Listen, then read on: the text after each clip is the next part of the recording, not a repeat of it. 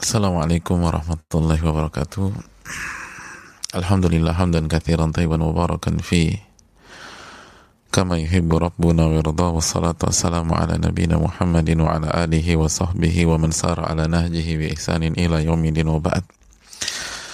Saudaraku yang semoga Allah muliakan tidak ada kata yang pantas untuk kita ucapkan pada kesempatan kali ini kecuali bersyukur kepada Allah Subhanahu wa taala atas segala nikmat dan karunia yang Allah berikan dan Allah limpahkan kepada kita sebagaimana salawat dan salam semoga senantiasa tercurahkan kepada junjungan kita Nabi kita Muhammadin sallallahu alaihi wasallam beserta para keluarga, para sahabat dan orang-orang yang istiqomah berjalan di bawah naungan sunnah beliau sampai hari kiamat kelak.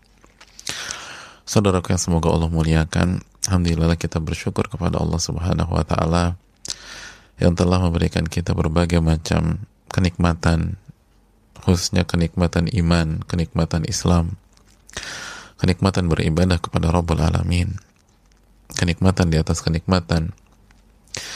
Itulah kenikmatan yang real yang kita minta setiap hari ketika kita berdoa dan meminta kepada Allah ihdinas siratal mustaqim siratal ladzina an'amta alaihim ya Allah tunjukilah kami jalan yang lurus siratal mustaqim Jalannya siapa jamaah?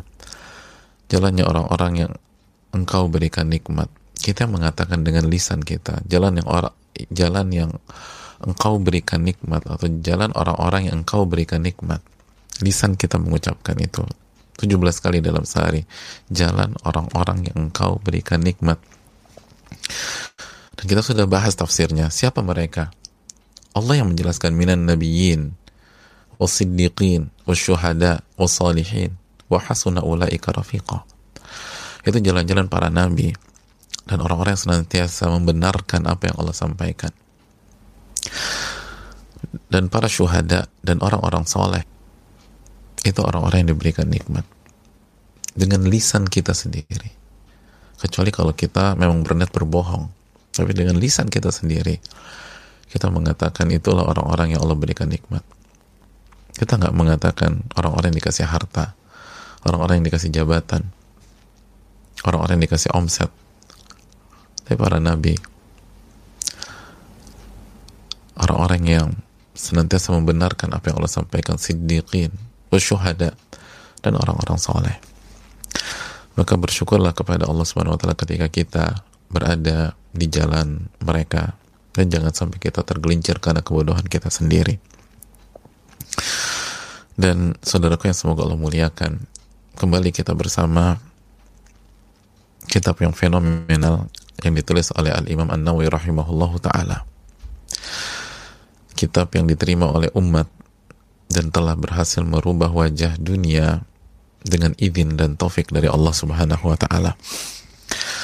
Dan pada kesempatan kali ini kita akan memulai hadis-hadis yang Al Imam Nawawi sampaikan atau cantumkan di dalam bab taubat dalam bab taubat jamaah.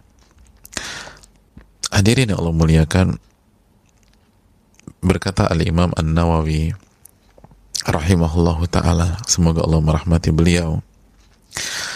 Semoga Allah Subhanahu wa taala memberikan limpahan karunia-Nya kepada beliau, kedua orang tua beliau, orang-orang yang beliau cintai dan seluruh umat Islam di mana pun mereka berada.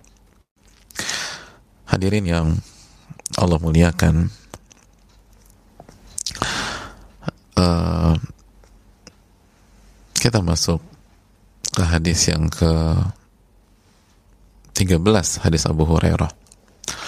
Wa an Abi Hurairah radhiyallahu anhu qala Sami'tu Rasulullah sallallahu alaihi wasallam yaqul dari Abu Hurairah radhiyallahu taala anhu beliau menyampaikan aku mendengar Rasul sallallahu alaihi wasallam bersabda Wallahi inni la astaghfirullah wa atubu ilaih fil yaumi akthara min sab'ina marrah Demi Allah sungguh aku beristighfar kepada Allah dan bertobat kepadanya dalam sehari lebih dari 70 kali.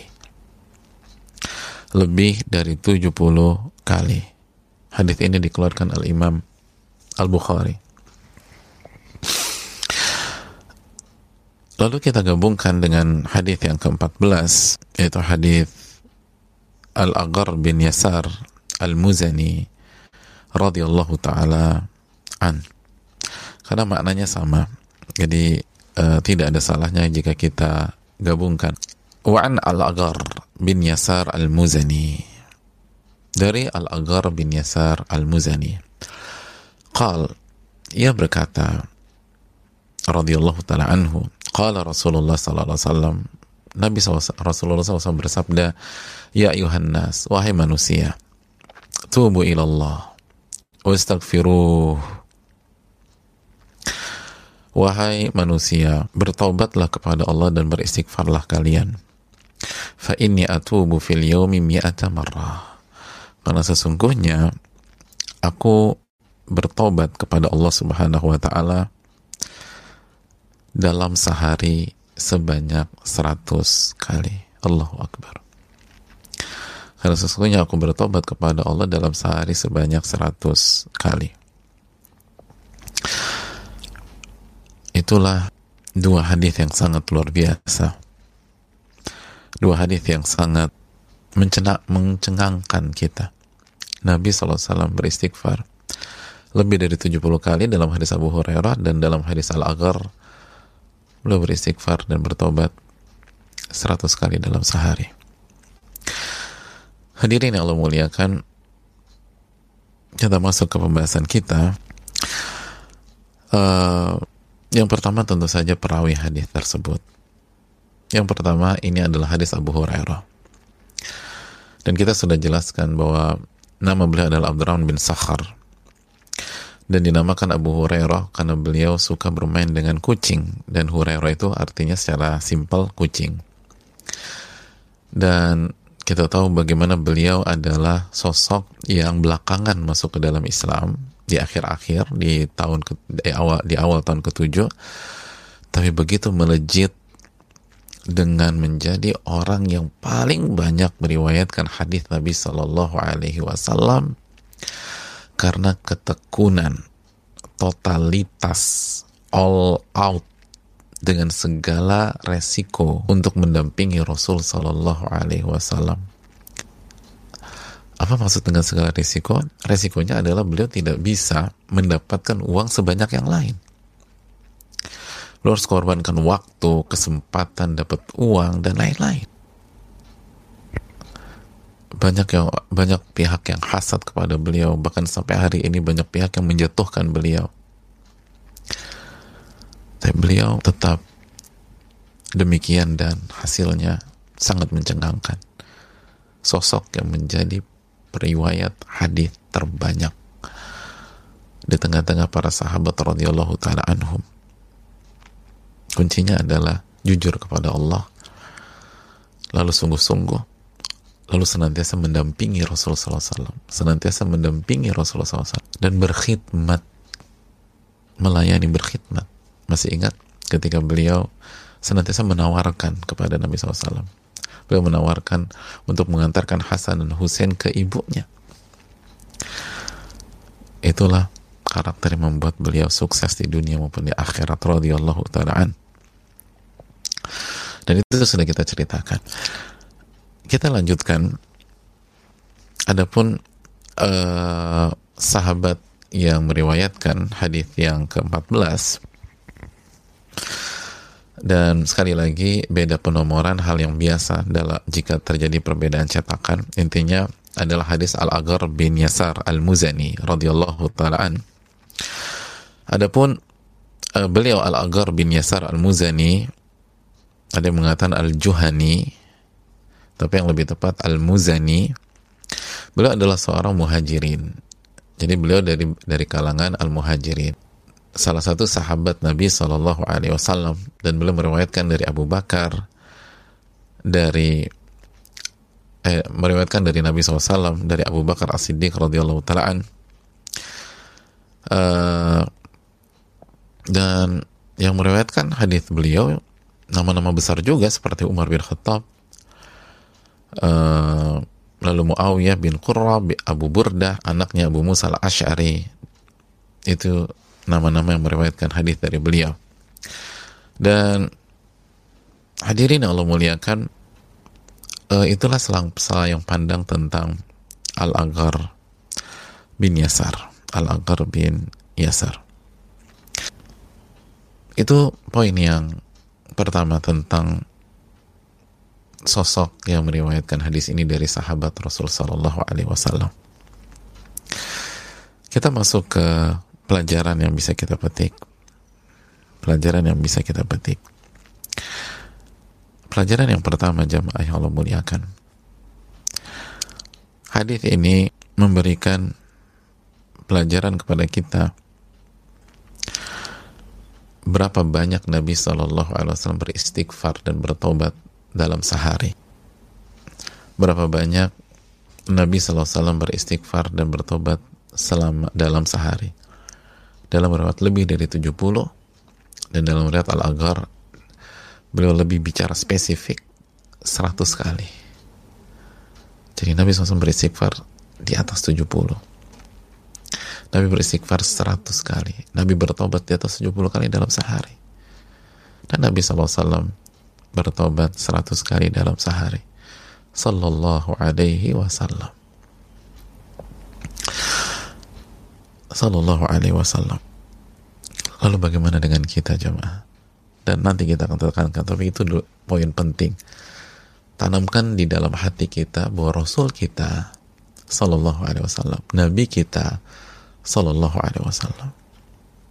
Sosok yang begitu luar biasa.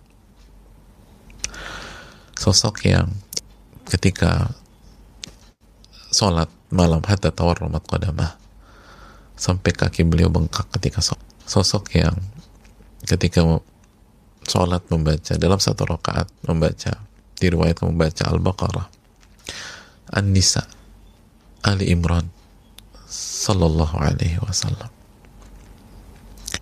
sosok yang luar biasa dalam berpuasa. Sosok itu beristighfar dan bertobat sebanyak 100 kali dalam sehari. 100 kali dalam sehari. Sallallahu alaihi wasallam. Itu poin yang pertama. Poin yang kedua, hadis ini dijelaskan oleh para ulama di antara dalil tentang wajibnya bertobat kepada Allah. Wajibnya bertobat kepada Allah Subhanahu wa taala. Karena kenapa? Karena Nabi Shallallahu alaihi wasallam di dalam hadis Al-Agar itu menyampaikan ya ayuhan nas tubu ilallah wahai manusia bertobatlah kepada Allah perintah tubu ilallah fi'il amr kata kerja perintah dan kita tahu dalam ilmu usul fikih bahwa perintah hukum asalnya melahirkan hukum wajib. Perintah pada dasarnya melahirkan hukum wajib kecuali ada ada keterangan lain yang memalingkan dari kewajiban ke sunnah misalnya. Tapi pada dasarnya perintah melahirkan hukum wajib. Jadi sekilas info buat kita semua untuk uh, ketika para ulama memberikan sebuah kesimpulan hal ini wajib, hal ini wajib, itu tidak harus mendapatkan kata wajib di dalam Al-Quran dan hadis. Tapi kata perintah atau kata kerja perintah sudah cukup untuk menghukumi sesuatu itu wajib kecuali ada dalil yang memalingkan karena pada dasarnya kata para ulama usul fikih pada dasarnya di kehidupan dunia ini saat kita mendapatkan perintah maka hukum asalnya wajib. Saat kita meminta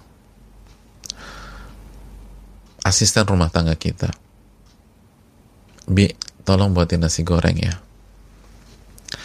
Buat sahur misalnya demikian. Tiba-tiba pas sahur datangnya sayur asam kita akan diam aja itu udah perintah nih, dari malam. Nanti sahur buat nasi goreng. Eh tiba-tiba keluar sayur asam saya tanya kita akan diam saja? Enggak. Kita akan tanya sama diri tanya dengan suasana hati nggak nyaman. Di mana nasi goreng? Kenapa sayur asam oh aku nggak buat sayur asam bu. Loh kita kan terima argumentasi itu. Aku buatnya sayur eh, aku nggak buat nasi goreng bu aku buatnya sayur asam kita kan terima argumentasi itu? Enggak kita kejar lagi. Bukankah saya udah perintahkan bibi buat nasi goreng? Eh bibi menjawab oh aku pikir itu nggak harus bu.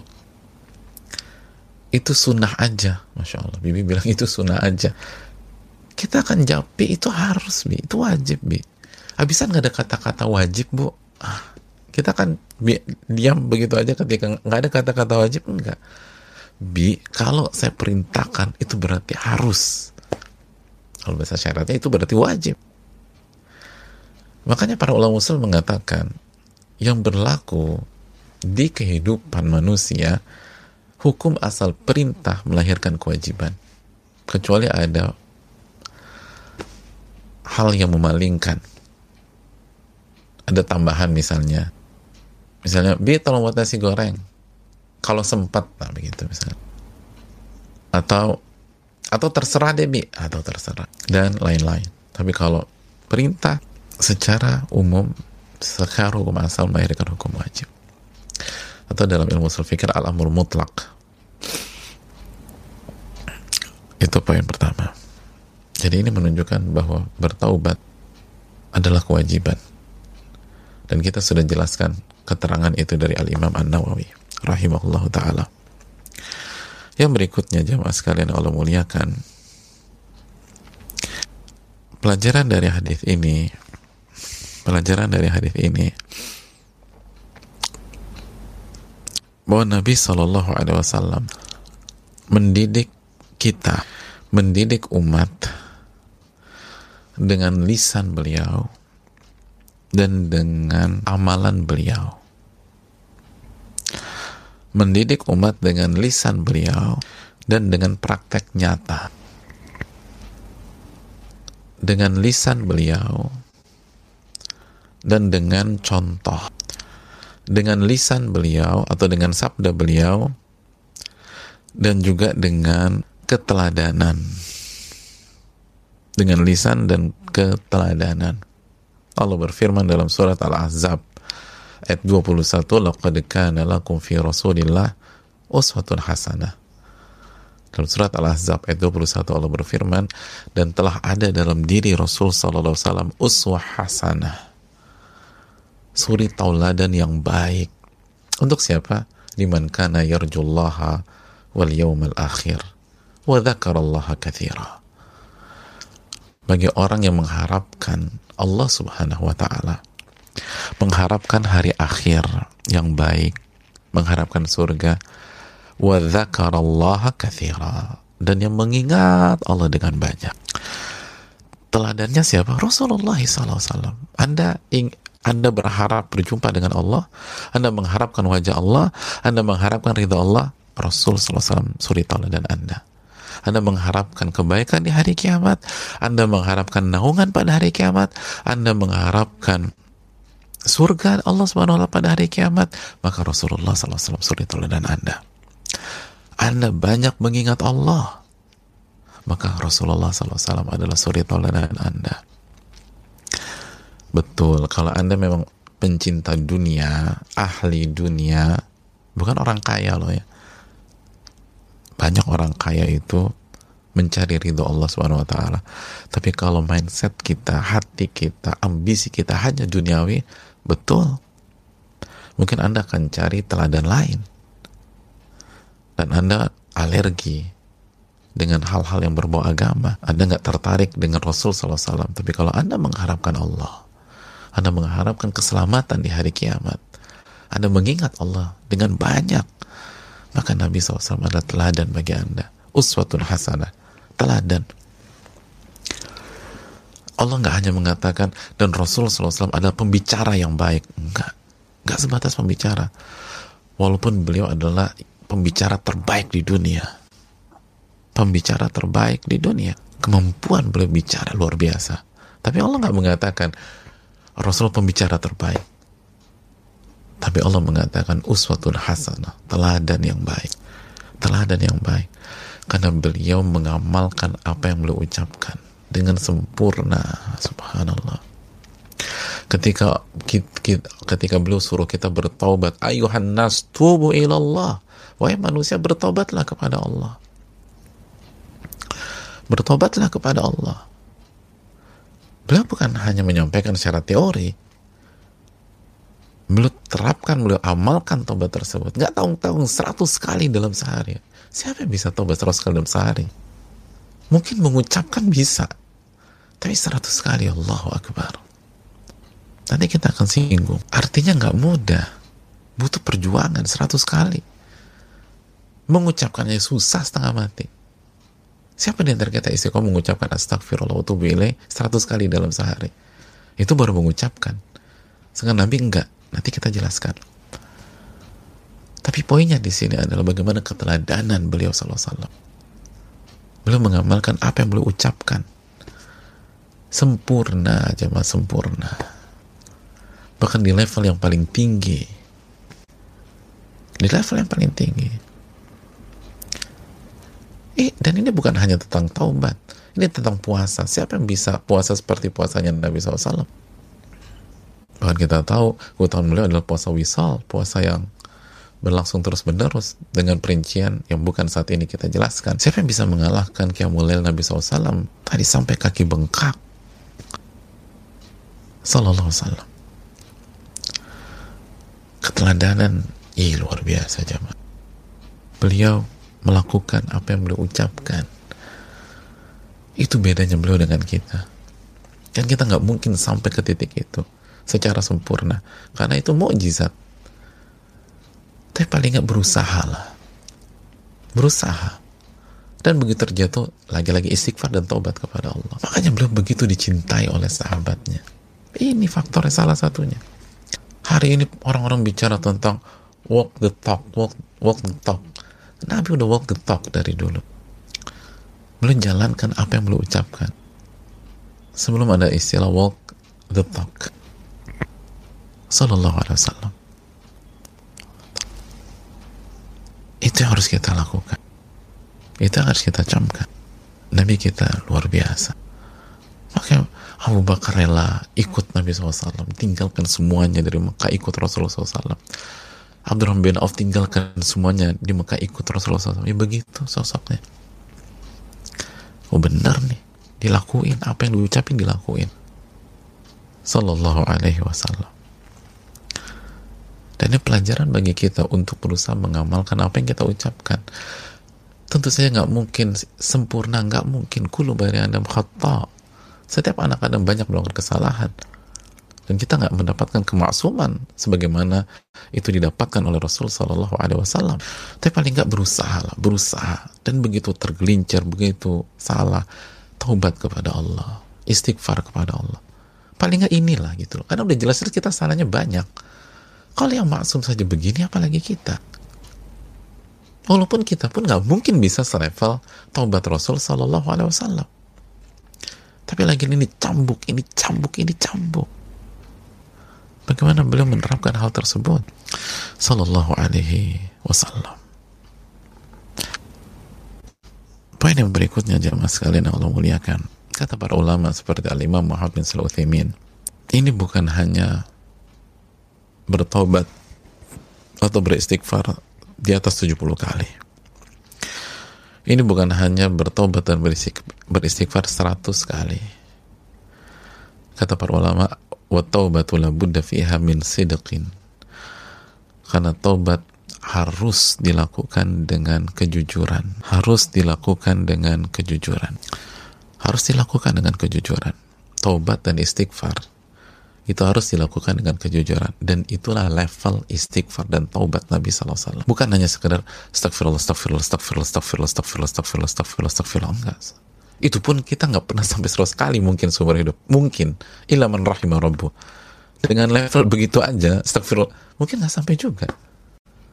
Padahal nggak cukup sampai di sana.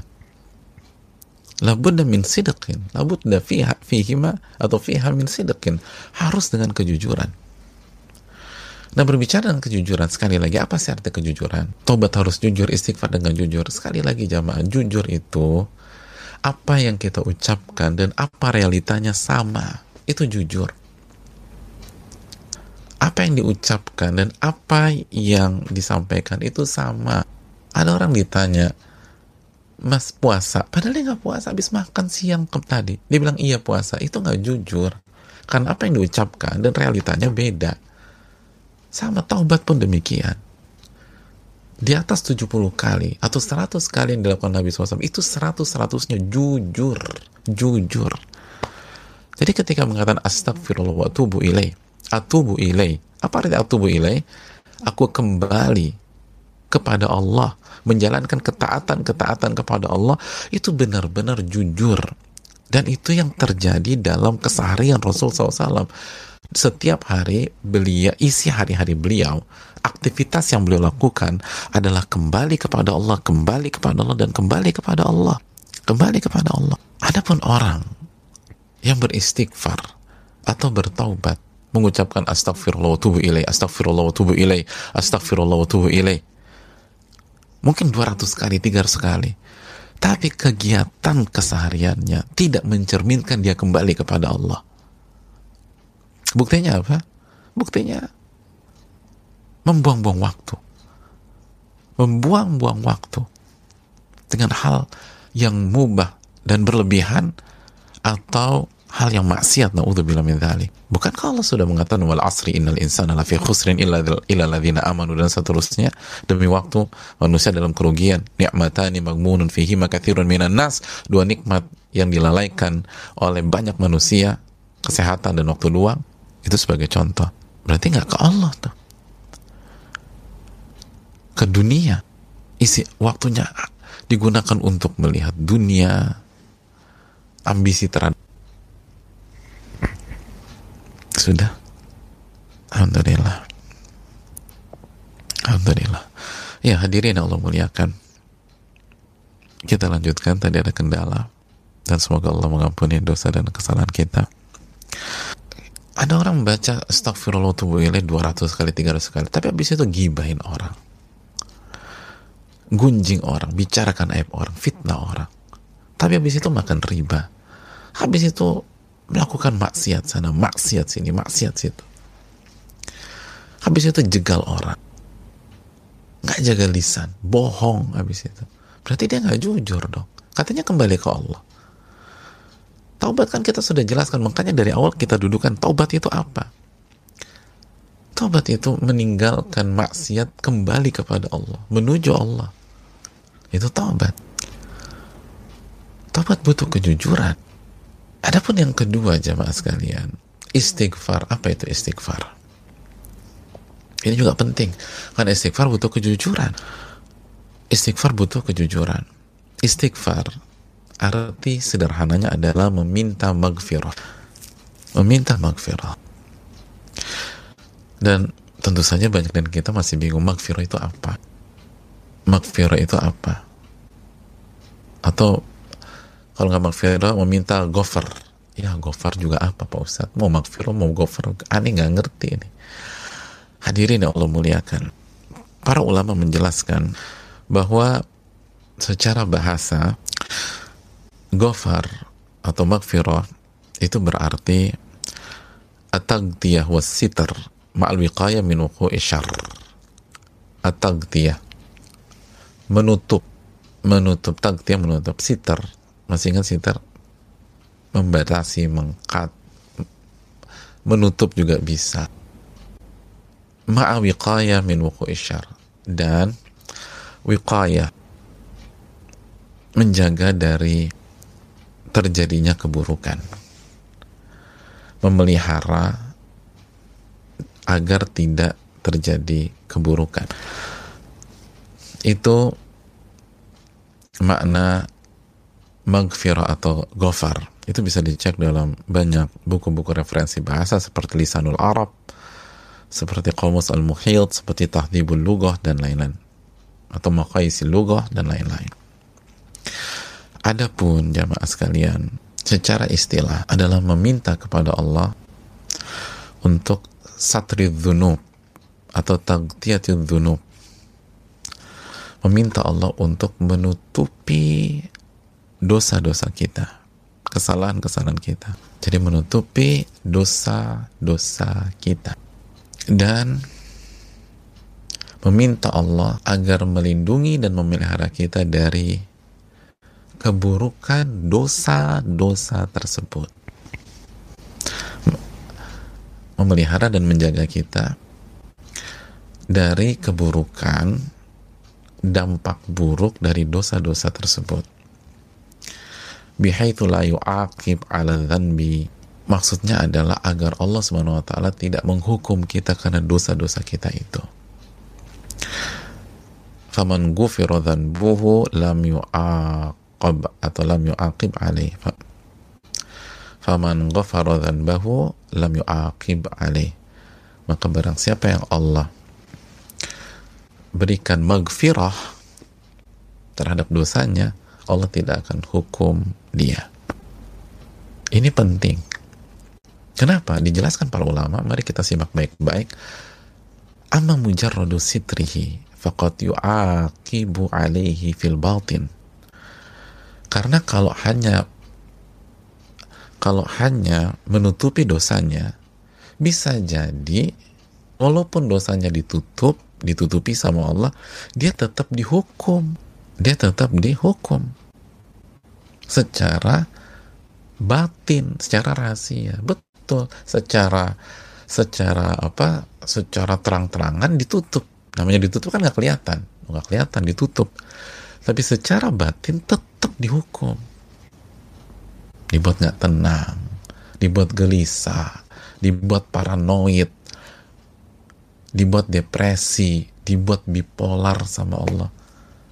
Tapi orang nggak lihat dosanya. Dosanya udah ditutup. Orang pikirnya orang baik udah. Tapi tetap dihukum secara batin. Jadi ini bukan hanya tentang menutup, tapi ini menutup dan menjaga kita dari keburukan dosa-dosa kita sendiri.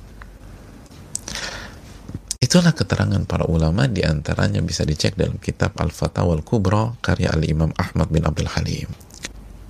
Jadi ketika kita beristighfar, kita harus beristighfar dengan jujur. Sebagaimana pada saat kita bertobat, kita harus bertobat dengan jujur. Dan istighfar dengan jujur. Tadi tobat kita udah jelaskan dari sisi kejujuran. Istighfar dengan jujur. Pada saat kita beristighfar, kita benar-benar minta kepada Allah Subhanahu wa taala agar Allah tutup dosa kita. Tutup aib kita. Dan bukan hanya ditutup, Allah maafkan Allah Subhanahu wa taala jaga kita dari keburukan dosa kita tersebut. Baik di dunia maupun di akhirat. Karena dosa itu mengundang keburukan kepada diri kita sendiri. Bukankah Allah berfirman dalam surat Asy-Syura ayat 30, "Wa ma min musibatin fabima kasabat aydikum." apa pun yang menimpa kalian itu ada faktor, ada andil dosa-dosa kalian, perbuatan tangan kalian. Wa ya'fu an kathir. Dan itu pun Allah sudah ampuni. Banyak dari dosa-dosa kalian. Nah, kita minta agar nggak kejadian itu, jamaah. Jangan sampai kita menghadapi masalah karena kesalahan-kesalahan, karena maksiat-maksiat, dan karena dosa-dosa kita sendiri. Baik masalah di dunia wa min dzalik masalah di akhirat. Itu yang perlu kita camkan. Jadi orang yang beristighfar tuh ngerti ya Allah tutup dosa saya dan ya Allah jangan ada atau jangan sampai saya kena keburukan gara-gara dosa saya sendiri karena mama sobakum musibatin fabima kasabat aidikum apa pun yang menimpa kalian itu karena dosa Dua perasaan ini harus hadir jamaah. Dan itulah bagaimana bedanya istighfar kita dengan istighfar para ulama, apalagi Rasul Shallallahu Alaihi Wasallam. Kita istighfar cuma astagfirullah, astagfirullah, astagfirullah. Gak ada ruh sama sekali. Diriwayatkan Al Imam Abu Hanifah. Al Imam Abu Hanifah satu dari empat imam madhab. Satu dari empat imam madhab. Orang nomor satu dalam madhab Hanafiyah Al-Imam Abu Hanifah itu diriwayatkan wa idza ushkilat alaihi mas'alatun qala li ashabi kalau ada persoalan dan masalah yang menyulitkan beliau, yang rumit, yang ribet misalnya. Beliau langsung berkata kepada para sahabat-sahabat beliau, kepada murid-muridnya, Ma hadha illa li dhanbin ahdathuhu wa kana yastaghfir. Allahu Akbar.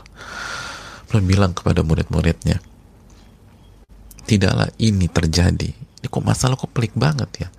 Ini masalah ribet. Kata beliau, tidaklah ini terjadi kecuali karena ada faktor dosa yang aku lakukan. Subhanallah. Wa kana yastaghfiru. Lalu beliau beristighfar kepada Allah Subhanahu wa taala. Beristighfar. Itu nih, ya tutup aib saya, tutuplah dosa saya. Dan jangan sampai saya terkena keburukan dari dosa saya tersebut. Itu Al-Imam Abu Hanifah jamaah.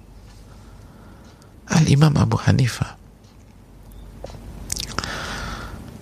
Antum tahu Al-Imam Abu Hanifah di Ramadan berapa kali khatam? Dua kali khatam sehari. Rahimahullah. Seperti Al-Imam Syafi'i. Dua kali khatam sehari. Di Ramadan 60 kali khatam. Begitu ada masalah, ngomongnya begini. Begitu ada masalah, bicara begini. Ini gak ada dosa saya beliau ngomong sama siapa? Sama murid-muridnya. Beliau nggak bilang, ini gara-gara antum-antum nih. Coba ngaku, buat dosa apa kemarin? Enggak. Oh, inilah profil-profil orang yang arif billah, yang mengerti. Rahimallahu mar'ana arafa qadra nafsi. Semoga Allah merahmati orang yang tahu kondisinya sendiri. Orang tuh semakin tinggi makomnya, semakin begitu jamaah. Semakin begitu. Padahal beliau, beliau gurunya nih. Beliau imamnya. Dan murid-murid beliau juga ulama-ulama besar. Seperti Abu Yusuf, Al-Imam Muhammad bin Hasan Syaibani. Kalau ada masalah, kalau ada ada problematika pelik, beliau bilang ke murid-muridnya, ini pasti ada faktor dosa-dosa saya. Bukan dosa-dosa kalian. Dosa-dosa saya. Thumma yastaghfirullah. Atau wakana yastaghfir. Lalu beliau beristighfar kepada Allah minta ya Allah tutup dosa saya. Ya Allah jangan sampai saya kena masalah keburukan karena dosa yang saya lakukan. Al-Imam dua kali sehari jamaah. Kita satu jus sehari aja jungkir balik. Satu jus sehari jungkir balik. Dan gak beristighfar sama Allah. Beliau dua kali khatam sehari. Begini profilnya. Rahimahullah Ih, ulama kita jamaah. Atau bayangin ini baru makom ulama. Gimana Rasul kita Sallallahu Alaihi Wasallam? Bagaimana Rasul kita Sallallahu Alaihi Wasallam? Ini baru Abu Hanifah rahimahullah. Satu dari empat imam madhab makanya ini yang sempat kita sampaikan di bab ikhlas juga. Itu mereka meroket seperti itu. Bukan hanya sebatas kecerdasan bukan hanya sebatas kepintaran tapi amalan-amalan hatinya ya Allah. Hatinya bersih bersih. Imam Abu Hanifah Imam Malik Imam Syafi'i Imam Ahmad bin Hambal itu mereka orang jaga hati jaga hati jaga hati. Di samping mereka cerdasnya luar biasa hafalannya banyak. Tapi bagaimana mereka menjaga? Ada masalah. Ini kesalahan saya. Lalu beliau istighfar nih istighfar. Gak nyalain muridnya. Padahal murid tuh paling enak disalahin. Nyalain murid tuh paling enak ya nyalain murid. Nyalain junior. Nyalain apa anak-anak binaan kita. Kan enak. Kita ngerti lah. Kita yang bos pasti ngerti itu. Nyalain staff. Nyalain orang-orang kecil. Oh paling enak. Kita yang guru misalnya. Nyalain murid enak kita yang senior di perusahaan kita yang senior. Nyarain junior paling enak udah. Ini salah A ini salah B ini salah C. Ini mau Hanifah. Ada masalah. Ya pasti ada andil dosa saya siapa di antara kita demikian jemaah? Begitu ada masalah dosa saya lalu istighfar kepada Allah Subhanahu wa taala dan benar-benar diresapi istighfarnya. Ya Allah tutup aib saya Allah bukan kayak kita astagfirullah astagfirullah astagfirullah astagfirullah astagfirullah astagfirullah. Apa astagfirullah astagfirullah? Ngemis dong sama Allah. Ya Allah tutup ya Allah aib saya ya Allah. Tutup dosa saya. Dan jangan buat saya terkena efek dari dosa saya sendiri. Hindari saya dari keburukan yang disebabkan dosa-dosa saya ya Allah. Itu yang dilakukan Nabi 100 kali. Tuh bayangin gak sih 100 kali sehari? Serangan kita modalnya cuma tiga ba'da subuh, tiga ba'da zuhur, tiga pada asar, tiga pada maghrib, dan tiga istighfar pada isya, itu pun astagfirullah, astagfirullah, astagfirullah. Ya makanya beda. Itu empat kehidupan kita nggak berkah. Itu kenapa masalah lagi, masalah, masalah. Dan tidak ada solusinya. Kalau masalah ada solusinya, jelas. Itu tanda Allah sayang sama kita. Itulah Nabi SAW. Innallaha idha habba qauman ibtalahum. Allah itu kalau sayang kepada kaum, Allah kasih dia ujian. Tapi di samping Allah kasih ujian, Allah kasih pertolongan. Allah kasih jalan keluar. Wa man yattaqillah yaj'al lahu makhraja wa yarzuqhu min haitsu la yahtasib. Barang siapa bertakwa, Allah kasih jalan keluar dan Allah kasih rizki dari arah yang dia tidak duga-duga. At-Talaq ayat 2 dan 3. Tapi kenapa banyak kita, kita nggak bicara orang lain, kita, kita. Kenapa masalah. Mentok lagi, mentok lagi, mentok lagi. Jangan-jangan karena faktor ini. Kita nggak beristighfar kepada Allah. Betul baca sayyidul istighfar. Allah la ilaha illa khalaqtani wa tapi ba, lisan ke mana pikiran ke mana mata ke mana udah. Bener sayyidul istighfar di pagi sama sore. Itu istighfar terbaik. Tapi lisan ke mana matanya ke mana pikirannya ke mana? Mata ke kanan pikiran ke kiri.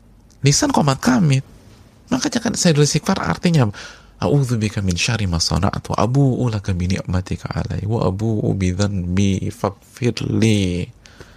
Insyaallah nanti suatu saat kita bahas Sayyidul Istighfar. Itu doa luar biasa jamaah. Orang istighfar tuh minta, ya Allah tolong tutup, ya Allah tutup, ya Allah. Nyesalnya minta, tutup ya Allah. Dan jangan membuat saya berhadapan dengan keburukan dosa-dosa saya sendiri. Jangan sampai dosa-dosa itu jadi bumerang bagi saya. Tolong, tolong ya. Itu istighfar jamaah. Minta kepada Allah. Itu Nabi seratus kali sehari. Dan Allah pasti kabulkan. Kalau mintanya begitu Allah kabulkan. Allah kan berfirman, Udu'uni astajib laku, minta kepadaku, aku kabulkan. Aku kabulkan. Tapi kan Allah juga minta kepada kita, Udu'ullah wa antum mukinuna bil ijabah mintalah kepada Allah dalam kondisi yakin akan dikabulkan. Dan ketahuilah kata Nabi SAW Allah la yastajibu du'aan min qalbin ghafirin lahin Allah nggak terima permohonan dan permintaan yang lahir dari hati yang lalai yang kosong akan makna dan arti. Ghafirin lahin lalai. Nggak fokus. Allah nggak kabulkan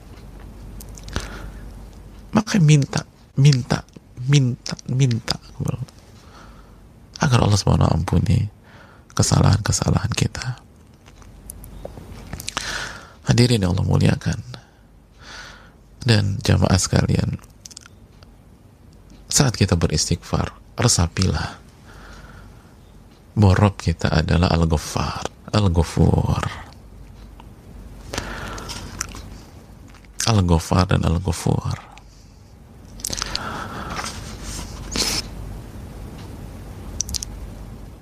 Al-Ghaffar. Sekali lagi yang mengampuni atau menutupi dosa-dosa hambanya dan tidak menghukum karena dosa-dosa tersebut. Dan itu ia lakukan setiap kali dosa dilakukan dan tobat dilakukan setiap dosa dilakukan dan istighfar dilakukan Allah kasih lagi Allah kasih lagi, kasih lagi. Dan Al-Ghafur kata para ulama adalah Al-Kathirul Sitr ala ibadihi. Yang banyak sekali memberikan makfirah dan ampunan kepada hamba-hambanya. Dan jemaah Allah itu mengampuni kita. Bukan karena takut sama kita. Banyak orang memaafkan karena nggak berani sama pihak tersebut. Karena tertekan, enggak Makanya Allah berfirman dalam surat Sad ayat 66. Coba dicek.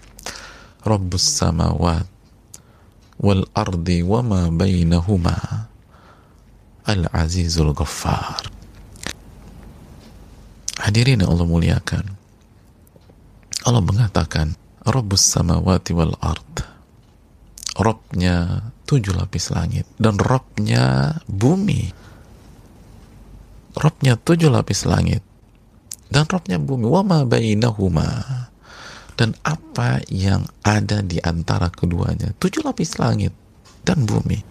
Robnya, kita masih ingat apa arti Rob? Seluruh Rob mewakili seluruh nama-nama dan sifat Allah dan mengkerucut ketiga nama Al-Khaliq atau mengkerucut ketiga mana? Pencipta, pemilik dan pengatur.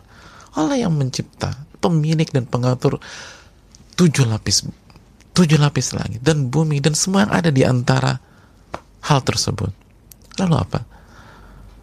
Al-Azizul Ghaffar yang maha perkasa dan yang maha Ghaffar memberikan makfirah pengampunan. Kata para ulama, kenapa dua nama ini disandingkan? Untuk memberikan pesan kepada hamba-hambanya bahwa pada saat Allah mengampuni dia, memberikan makfirah kepada dia. Dan makfirah artinya menutup dosa-dosanya dan tidak menghukum mereka karena dosa-dosanya tersebut. Tidak memberikan mereka keburukan karena dosa-dosanya mereka tersebut. Itu bukan karena Allah terintimidasi oleh hamba-hambanya. Bukan karena Allah terdesak oleh hamba-hambanya. Bukan karena Allah subhanahu wa ta'ala tersudut oleh hamba-hambanya. Bukan karena hamba-hambanya menakutkan baginya karena Allah Al-Aziz yang maha perkasa. Yang maha perkasa. Yang maha perkasa. Maka Allah memberikan makfirah kepada kita. Itu pure karena karunia Allah kepada kita. Kebaikan Allah kepada kita. Rahmat Allah kepada kita. Karena Allah nggak butuh sama kita. Allah maha perkasa beda dengan makhluknya. Makhluknya memaafkan atau mengampuni itu karena tertekan.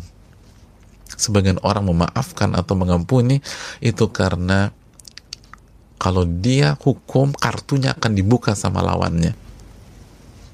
Lo hukum gua atau kamu serang kolega saya saya akan buka kartu kamu. Saya akan serang kamu lagi. Akhirnya diampuni. Oke oke kita ampuni. Nggak dihukum nggak dihukum nggak dihukum. Allah enggak Allah enggak. Ada yang bisa begitu. Itu murni karena kebaikan Allah. Maka resapi astagfirullah ini murni kebaikan Allah subhanahu wa ta'ala kepada kita. Allah itu maha baik. Al-Ghaffar. Al-Aziz. Al-Azizul Ghaffar. Minta Allah tutup kita dan dan jangan sampai hukum kita. Karena menutup dan tidak menghukum itu dua hal yang berbeda di pengadilan dunia saja kita tahu ada beberapa kasus di dunia ini di sebuah negara A atau negara B negara C kasusnya nggak dibuka. Nggak dibuka ditutup. Ditutupi dari media atau pers tapi orangnya tetap dihukum. Terjadi banyak kejadian. Nggak dibuka ditutup. Tapi orangnya tetap dihukum. Makanya itu tadi kata para ulama kita minta ditutup dan di waktu yang sama kita minta dijaga dari keburukan yang disebabkan dosa-dosa kita sendiri. Dan Nabi lakukan itu lebih dari 70 kali 100 kali dalam sehari. Beliau yang maksum beliau yang terjaga beliau yang ibadahnya luar biasa. Lalu bagaimana dengan kita? Bagaimana kita yang banyak dosa kita banyak khilaf. Kita yang banyak melakukan kegelinciran-kegelinciran. Di hari-hari ini kita yang banyak marah sama anak tanpa sebab. Kita berantem sama pasangan kita. Kita durhaka sama orang tua. Kita zolimi anak kita. Kalau anda nggak beristighfar kepada Allah. Wa ma musibatin apa pun yang menimpa kalian itu ada faktor dosa tuh kata Allah kita nggak tenang.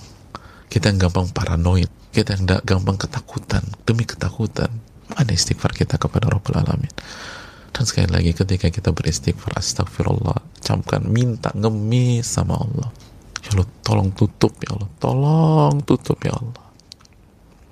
Dan jangan sampai saya terkena dampak dari dosa saya sendiri. Itu yang dilakukan. Ketika kita misalnya lepas kontrol marahin istri kita. Atau kita lawan suami kita. Istighfar tobat minta begitu. Ya Allah tolong tutup tadi saya khilaf ya Allah. Dan jangan buat saya terkena dampak dari kehilafan saya sendiri. Kita nggak sholat. Kita nggak puasa dulu. Istighfar ini mumpung kita beristighfar tobat kepada Allah. Minta tolong tutup ya Allah. Tolong tutup dan jangan buat saya terkena dampak dari dosa saya sendiri. Ada orang yang pernah berzina dulu bermaksiat. Istighfar ini waktunya beristighfar. Di atas 70 kali dan Nabi SAW 100 kali bertobat setiap hari. Ini bisa disampaikan pada kesempatan kali ini. Semoga bermanfaat. Wassalamualaikum ala nabi Muhammad. Kita buka satu dua pertanyaan. Wassalamualaikum ala nabi Muhammad Assalamualaikum warahmatullahi wabarakatuh Waalaikumsalam warahmatullahi wabarakatuh Semoga Ustadz dan seluruh kaum muslimin selalu diberkahi oleh Allah. Amin. Ya Rabbal Alamin. Ustadz ini real life. Bagaimana tata cara mempraktekkan taubat? Haruskah dipanjatkan kepada Allah berupa doa? Dan seperti apa? Jazallah khairan. Ya terima kasih atas pertanyaannya. Jawabannya ya. Padukan antara lisan dan hati. Padukan antara lisan dan syarat-syarat tobat yang sudah kita jelaskan Adapun lisan kita bisa menggunakan ada banyak redaksi dari Nabi Shallallahu Alaihi Wasallam. Di antaranya yang gampang saja Astagfirullah wa atubu ilaih. Astagfirullah wa atubu ilaih. Aku beristighfar kepada Allah dan aku bertobat kepadanya. Tapi bukan hanya dengan lisan. Terapkan syarat tobat itu apa sih? Tinggalkan, tinggalkan jadi ketika kita beristighfar atau bertobat 100 kali, udah hari ini saya camkan saya tinggalkan maksiat yang saya ketahui. Dosa-dosa saya saya tinggalkan. Berjuang. Oke mungkin nggak bisa sekaligus ditinggalkan. Eh ada perjuangan dong. Hari ini apa perjuangan kita? Apa kemajuan kita dalam mendekat kepada Allah dan dalam meninggalkan maksiat-maksiat tersebut? Harus ada progres Oke nggak bisa 100%, 90% nggak bisa juga, 80 nggak bisa, terus 50% hari ini. Nggak bisa juga, 40% nggak bisa, 30% nggak bisa, 10% nggak bisa, 5% berapapun. Harus ada progres untuk mendekat kepada Allah. Tinggalkan itu. Karena sekali lagi untuk bisa kafe butuh waktu. Dan di antara di antaranya butuh ilmu. Dan ilmu nggak bisa sekaligus membalikan telapak tangan kita tahu Nabi SAW saja berdakwah 23 tahun. Nabi para sahabat aja diturun apa ayat tentang haramnya khobar baru setelah perang Uhud. Butuh proses, tapi harus ada progres, progres dan progres. Lalu yang berikutnya sekali lagi, ketika kita bertobat, ada penyesalan. Ada penyesalan, nyesel banget. Kok dulu gue gitu banget ya, harus ada penyesalan. Nyesel banget nih Kenapa waktu itu diucapkan kalimat itu? Kenapa dulu melakukan hal tersebut? Kenapa dan kenapa? Nyesal. Nyesal itu penting. An-nadamu taubah, kata Nabi SAW. Penyesalan itu taubat. Dan kita sudah bahas beberapa nasihat para ulama klasik bahwa salah satu juga indikasi taubat adalah air mata. Air mata. Jadi bukan astagfirullah, astagfirullah, astagfirullah, mana? Mana penyesalan kita? Lalu yang ketiga, bertekad untuk tidak terjatuh kepada kesalahan yang sama. Harus ada tekad, tekad harus jangan. Makanya setiap hari tuh ini miss, ini kekeliruan saya, ini saya harus bertekad, saya nggak lakukan itu lagi. Coba dulu. Allah akan bantu kita kalau Allah lihat kejujuran kita. Lalu itu semua dilakukan karena Allah Subhanahu wa taala. Wallahu taala alam bisawab. Saya rasa cukup sampai di sini. Terima kasih banyak karena waktu sudah habis. Semoga Allah Subhanahu wa taala memberikan taufik kepada kita dan jamaah sekalian. Ingat, kita sudah berada semakin dekat dengan 10 hari terakhir Ramadan. jangan sampai miss jangan kasih kesempatan syaitan menggelincirkan kaki kita jangan sampai membuat kita terjatuh dalam dosa yang fatal yang kita harus bangkit lagi kita udah mau masuk partai final lalu melakukan bundar akhirnya terpelosok dan kita harus bangkit lagi dari awal atau dari titik di mana butuh kerja keras butuh effort lagi. Sekali lagi partai final semakin dekat jamaah persiapkan diri kita persiapkan diri kita. Sebelum masuk 10 malam terakhir dan syaitan gak akan ridho dengan kita tersebut. Syaitan akan coba menghalangi kita menjatuhkan kita agar begitu 21 masuk malam 21 kita putus asa kita hancur, kita jatuh, kita merasa udah nggak punya kesempatan, kita merasa nggak punya harapan. Kenapa? Karena kesalahan kita pada hari-hari ini. Jaga, ini hari-hari yang sangat krusial. Karena menjaga hari-hari ini biasanya lebih sulit daripada menjaga hari-hari pertama. Hari pertama euforia, semangat. Tapi hari-hari ini kecapean kita. Dan itu yang diinginkan syaitan. Itu yang diinginkan syaitan. Maksimalkan lagi. 10 malam tersebut sudah ada di depan mata kita. Jangan sampai karena blunder dan kebodohan kita akhirnya itu tidak terwujud. Subhanallah wa bihamdihi la ilaha illa anta astaghfiruka Assalamualaikum warahmatullahi wabarakatuh.